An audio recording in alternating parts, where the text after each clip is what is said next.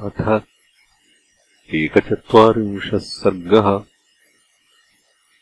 अङ्गददौत्यम्। अथ तस्मिन्निमित्तानि दृष्ट्वा लक्ष्मणपूर्वजः सुग्रीवम् सम्परिष्वज्य तदा वचनमब्रवीत्।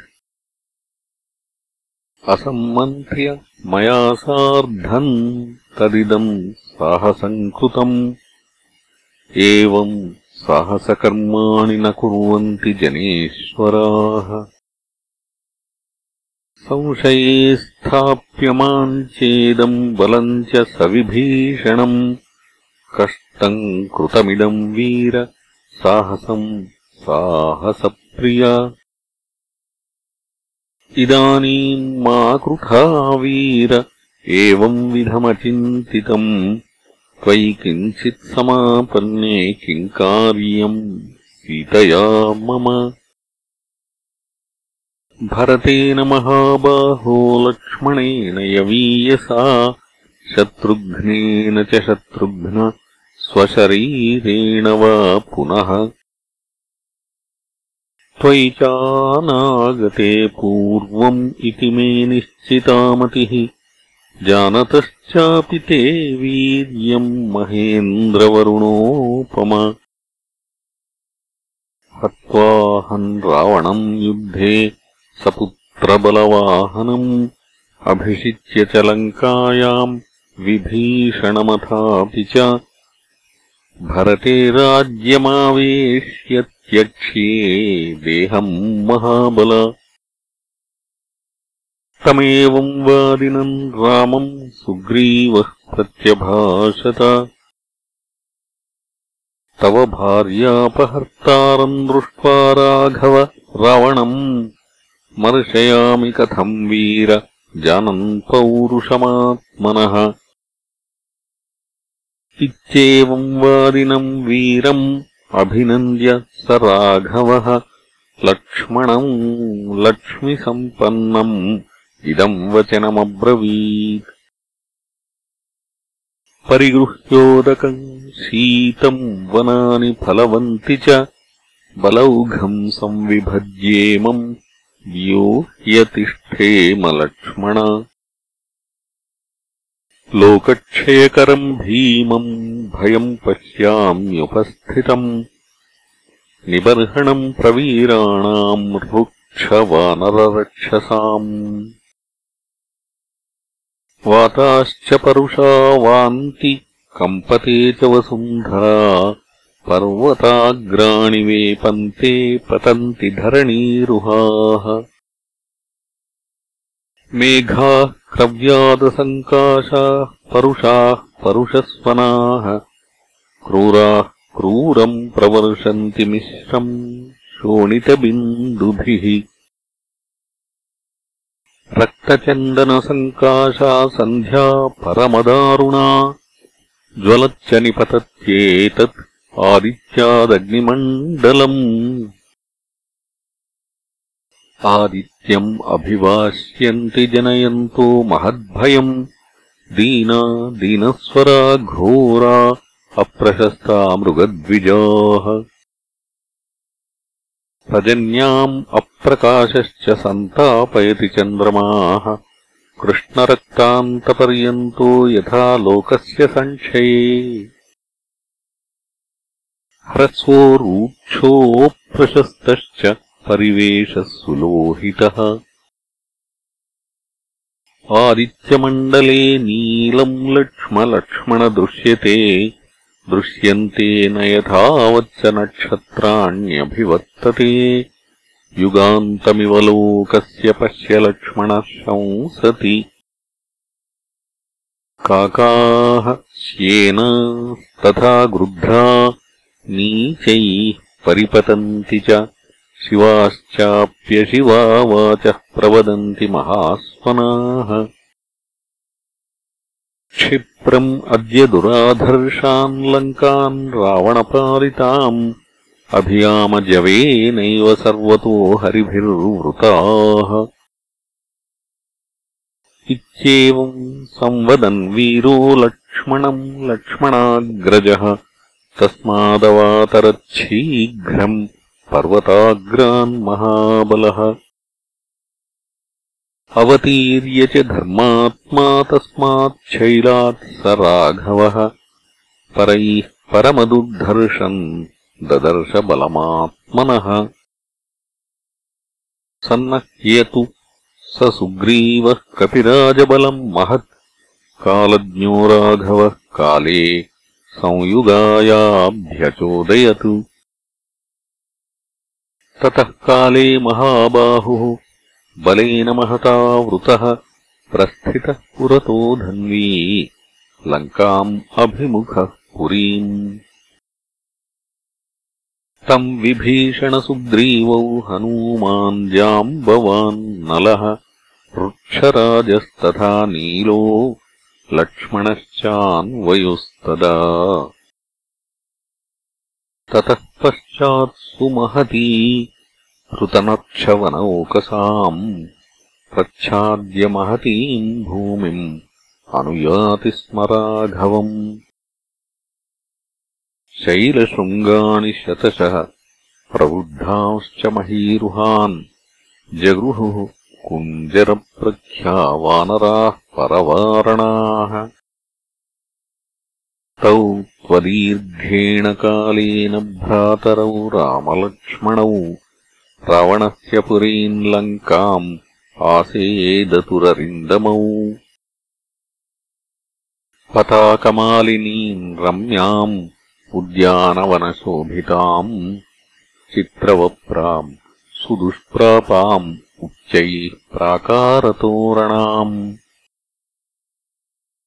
ताम् सुरैरपि दुर्धर्षान् रामवाक्यप्रचोदिताः यथा निवेशम् सम्पीड्यन्यविशन्तवनौकसः। लङ्कायास्तूत्तरद्वारम् शैलशृङ्गमिवोन्नतम् रामस्तहानुजो धन्वी। जुगोप च रुरोध च लङ्काम् उपनिविष्टश्च रामो दशरथात्मजः। लक्ष्मणानुचरो वीरः पुरीम् रावणपालिताम् उत्तरद्वारमासाद्य यत्र तिष्ठति रावणः। नान्यो रामाद्धितद्वारम् समर्थः परिरक्षितुम्। रावणाधिष्ठितम् भीमम् वरुणेनेव सागरम्। सायुधैराक्षसैर्भीमैः अभिगुप्तम् समन्ततः लघूनाम् त्रासजननम् पाताळमिव दानवैः। विन्यस्तानि च योधानाम् बहूनि विविधानि च ददर्शायुधजालानि तत्रैव कवचानि च। पूर्वम् तु द्वारमासाद्य नीलो हरिचमूपतिः अतिष्ठत्सह मैन्देन द्विविदेन च वीर्यवान्। अङ्गदो दक्षिणद्वारम् जग्राह सुमहाबलः वृषभेण गवाक्षेण गजेन गवयेन च।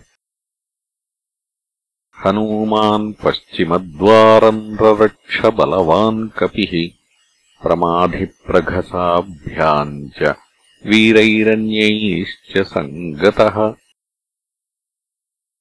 मध्यमे च स्वयम् गुल्मे सुग्रीवः समतिष्ठत।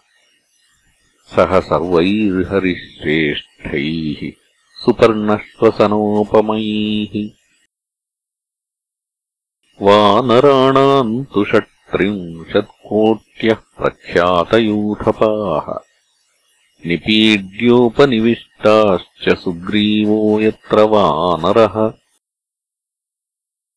शासनेन तु रामस्य लक्ष्मणः स विभीषणः। द्वारे द्वारे हरीणाम् तु कोटिम् कोटिम् न्यवेशयत्। पश्चिमेन तु रामस्य सुग्रीवः सहजाम्बवान् आदूरान्मध्यमे गुल्मे तस्थौ बहुबलानुगः।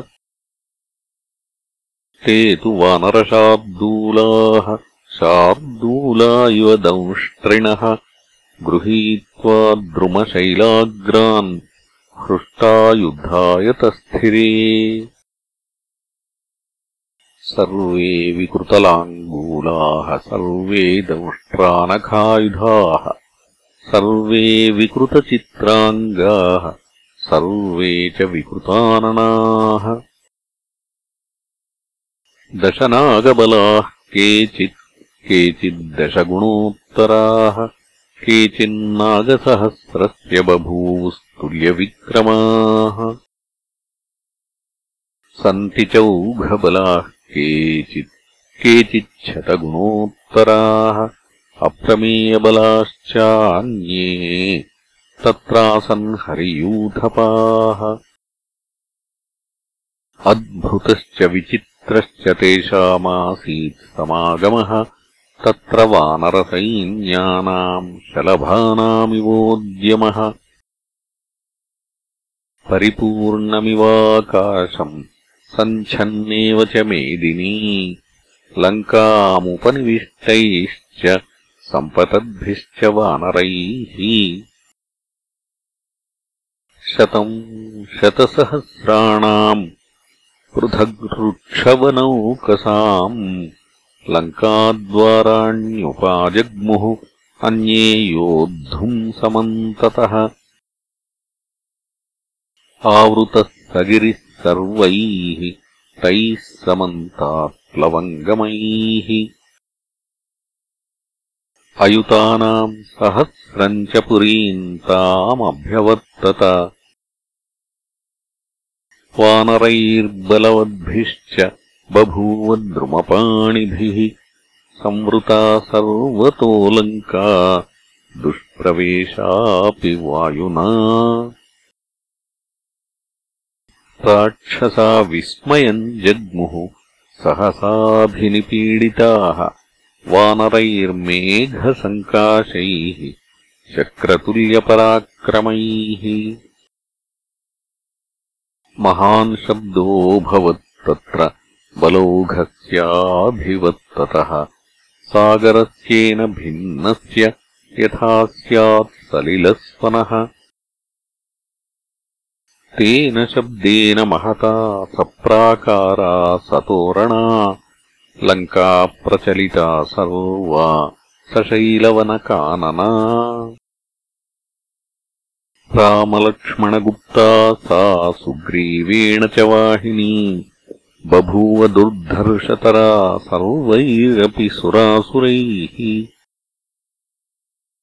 राघवः सन्निवेश्यैव सैन्यम् स्वम् रक्षसाम् वधे। सम्मन्त्र्यमन्त्रिभिः सार्धम् निश्चित्य च पुनः पुनः आनन्तर्यम् अभिप्रेप्सुः क्रमयोगार्थतत्त्ववित्। विभीषणस्यानुमते राजधर्मम् अनुस्मरन्। अङ्गदम् वालितनयम् समाहूयेदमब्रवीत्। गत्वा सौम्य दशग्रीवम् ब्रूहि मद्वचनात्कपे लङ्घयित्वा पुरीम् लङ्काम्। भयम् त्यक्त्वा गतव्यथः भ्रष्टश्रीकगतैश्वर्य मुमूर्षो नष्टचेतन ऋषीणाम् देवतानाम् च गन्धर्वाप्सरसाम् तथा नागानामथ यक्षाणाम् राज्ञाम् च रजनीचर यच्च पापम् कृतम् मोहात् अवलिप्तेन राक्षस तस्य पापस्य सम्प्राप्ता व्युष्टिरद्य दुरासदा। नूनम् अद्यगतो दर्पः स्वयम्भूवरदानजः। यस्य दण्डधरस्तेऽहम् दाराहरणकर्षितः। दण्डम् धारयमाणस्तु लङ्काद्वारे व्यवस्थितः। पदवीम् देवतानाम् च महर्षीणाम् च राक्षस राजर्षीणाम् च सर्वेषाम् गमिष्यसि मया हतः। बलेन येन वै सीताम् मायया राक्षसाधम। मामतिक्रामयित्वा त्वम् हृतवांस्तन्निदर्शय। अराक्षसमिमम् लोकम् कर्तास्मि निशितैश्वरैः न चेच्छरणमभ्येषि मामुपादाय मैथिलीम्। धर्मात्मा रक्षसाम् श्रेष्ठः सम्प्राप्तोऽयम् विभीषणः। लङ्कैश्वर्यम् ध्रुवम् श्रीमान् अयम् प्राप्नोत्यकण्टकम्। न हि राज्यम् अधर्मेण भोक्तुम् क्षणमपि त्वया शक्यम् मूर्खसहायेन पापेनाविदितात्मना। युध्यस्व वा धृतिम् कृत्वा शौर्यम् आलम्ब्य राक्षस। मच्छरैस्त्वम् रणेशान्तस्ततः पूतो भविष्यसि। यद्वा विशसि लोकाम् स्त्रीन् पक्षिभूतो मनोजवः। मम चक्षुष्पथम् प्राप्य न जीवन् प्रति यास्यसि। ब्रवीमि त्वाम् हितम् वाक्यम् क्रियताम् और्ध्वदैहिकम्। सुदृष्टा क्रियताम् लङ्का जीवितम् ते मयि स्थितम्। इत्युक्तः स तु तारेयो रामेणाक्लिष्टकर्मणा जगामाकाशमाविश्य मूर्तिमानिव हव्यवाट् सोऽतिपत्यमुहूर्तेन श्रीमान् रावणमन्दिरम् ददर्शासीनमव्यग्रम् रावणम् सचिवैः सह। ततस्तस्याविदूरे स निपत्य हरिपुङ्गवः दीप्ताग्निसदृशस्तस्थौ अङ्गदः कनकाङ्गदः तद्रामवचनम् सर्वम् अन्यूनाधिकमुत्तमम् सामात्यम् श्रावयामास निवेद्यात्मानमात्मना। दूतोऽहम् कोसलेन्द्रस्य रामस्याक्लिष्टकर्मणः वालिपुत्रोऽङ्गदो नाम यदि ते श्रोत्रमागतः आहत्वान् राघवो रामः कौसल्यानन्दवर्धनः निष्पत्यप्रतियुध्यस्व नृशंसपुरुषो भव। हन्तास्मि त्वाम् सहामात्यम् सपुत्रज्ञातिबान्धवम्। निरुद्विग्नास्त्रयो लोका भविष्यन्ति हते त्वयि देवदानवयक्षाणाम् गन्धर्वोरगरक्षसाम् शत्रुम् अद्योद्धरिष्यामि त्वाम् ऋषीणाम् च कण्टकम्। विभीषणस्य चैश्वर्यम् भविष्यति हते त्वयि। न चेत् सत्कृत्यवैदेहीम् प्रणिपत्य प्रदास्यसि इत्येवम् परुषम् वाक्यम् ब्रुवाणे हरिपुङ्गवे अमर्षवशमापन्नो निशाचरगणेश्वरः। ततः स रोषताम्राक्षः शशास सचिवांस्तदा गृह्यतामेष दुर्मेधा वध्यतामिति चासकृत्। रावणस्य वचः श्रुत्वा दीप्ताग्निसमतेजसः जगृहुस्तन्ततो घोराः चत्वारो रजनीचराः। ग्राहयामासतारेयः स्वयमात्मानमात्मवान्। बलम् दर्शयितुम् वीरो यातुधानगणे तदा। सताम् बाहुद्वये सक्तानादाय पतगानिव। प्रासादम् शैलसङ्काशम् उत्पपाताङ्गदस्तदा। तेऽन्तरिक्षाद्विनिर्धूताः तस्य वेगेन राक्षसाः भूमौ निपतिताः सर्वे राक्षसेन्द्रस्य पश्यतः। ततः प्रासादशिखरम् शैलशृङ्गमिवोन्नतम् ददर्श राक्षसेन्द्रस्य वालिपुत्रः प्रतापवान्। तत्पफालपदाक्रान्तम् दशग्रीवस्य पश्यतः पुरा हिमवतः शृङ्गम् वज्रिणेव विदारितम्। भङ्क्त्वा प्रासादशिखरम् नाम विश्राव्यचात्मनः विनद्य सुमहानादम् उत्पपातविहायसम्। व्यथयन् राक्षसान् सर्वान् हर्षयंश्चापि वानरान् स वानराणाम् मध्ये तु रामपार्श्वमुपागतः। रावणस्तु परम् चक्रे क्रोधम् प्रासादधर्षणात् विनाशम् चात्मनः पश्यन् निःश्वासपरमोऽभवत्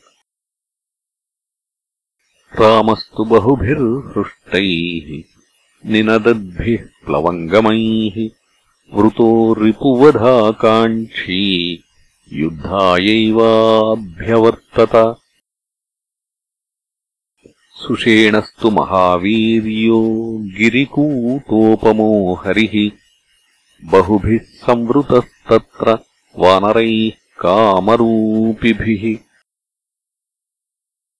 चतुर्द्वाराणि सर्वाणि सुग्रीववचनात् कपिः।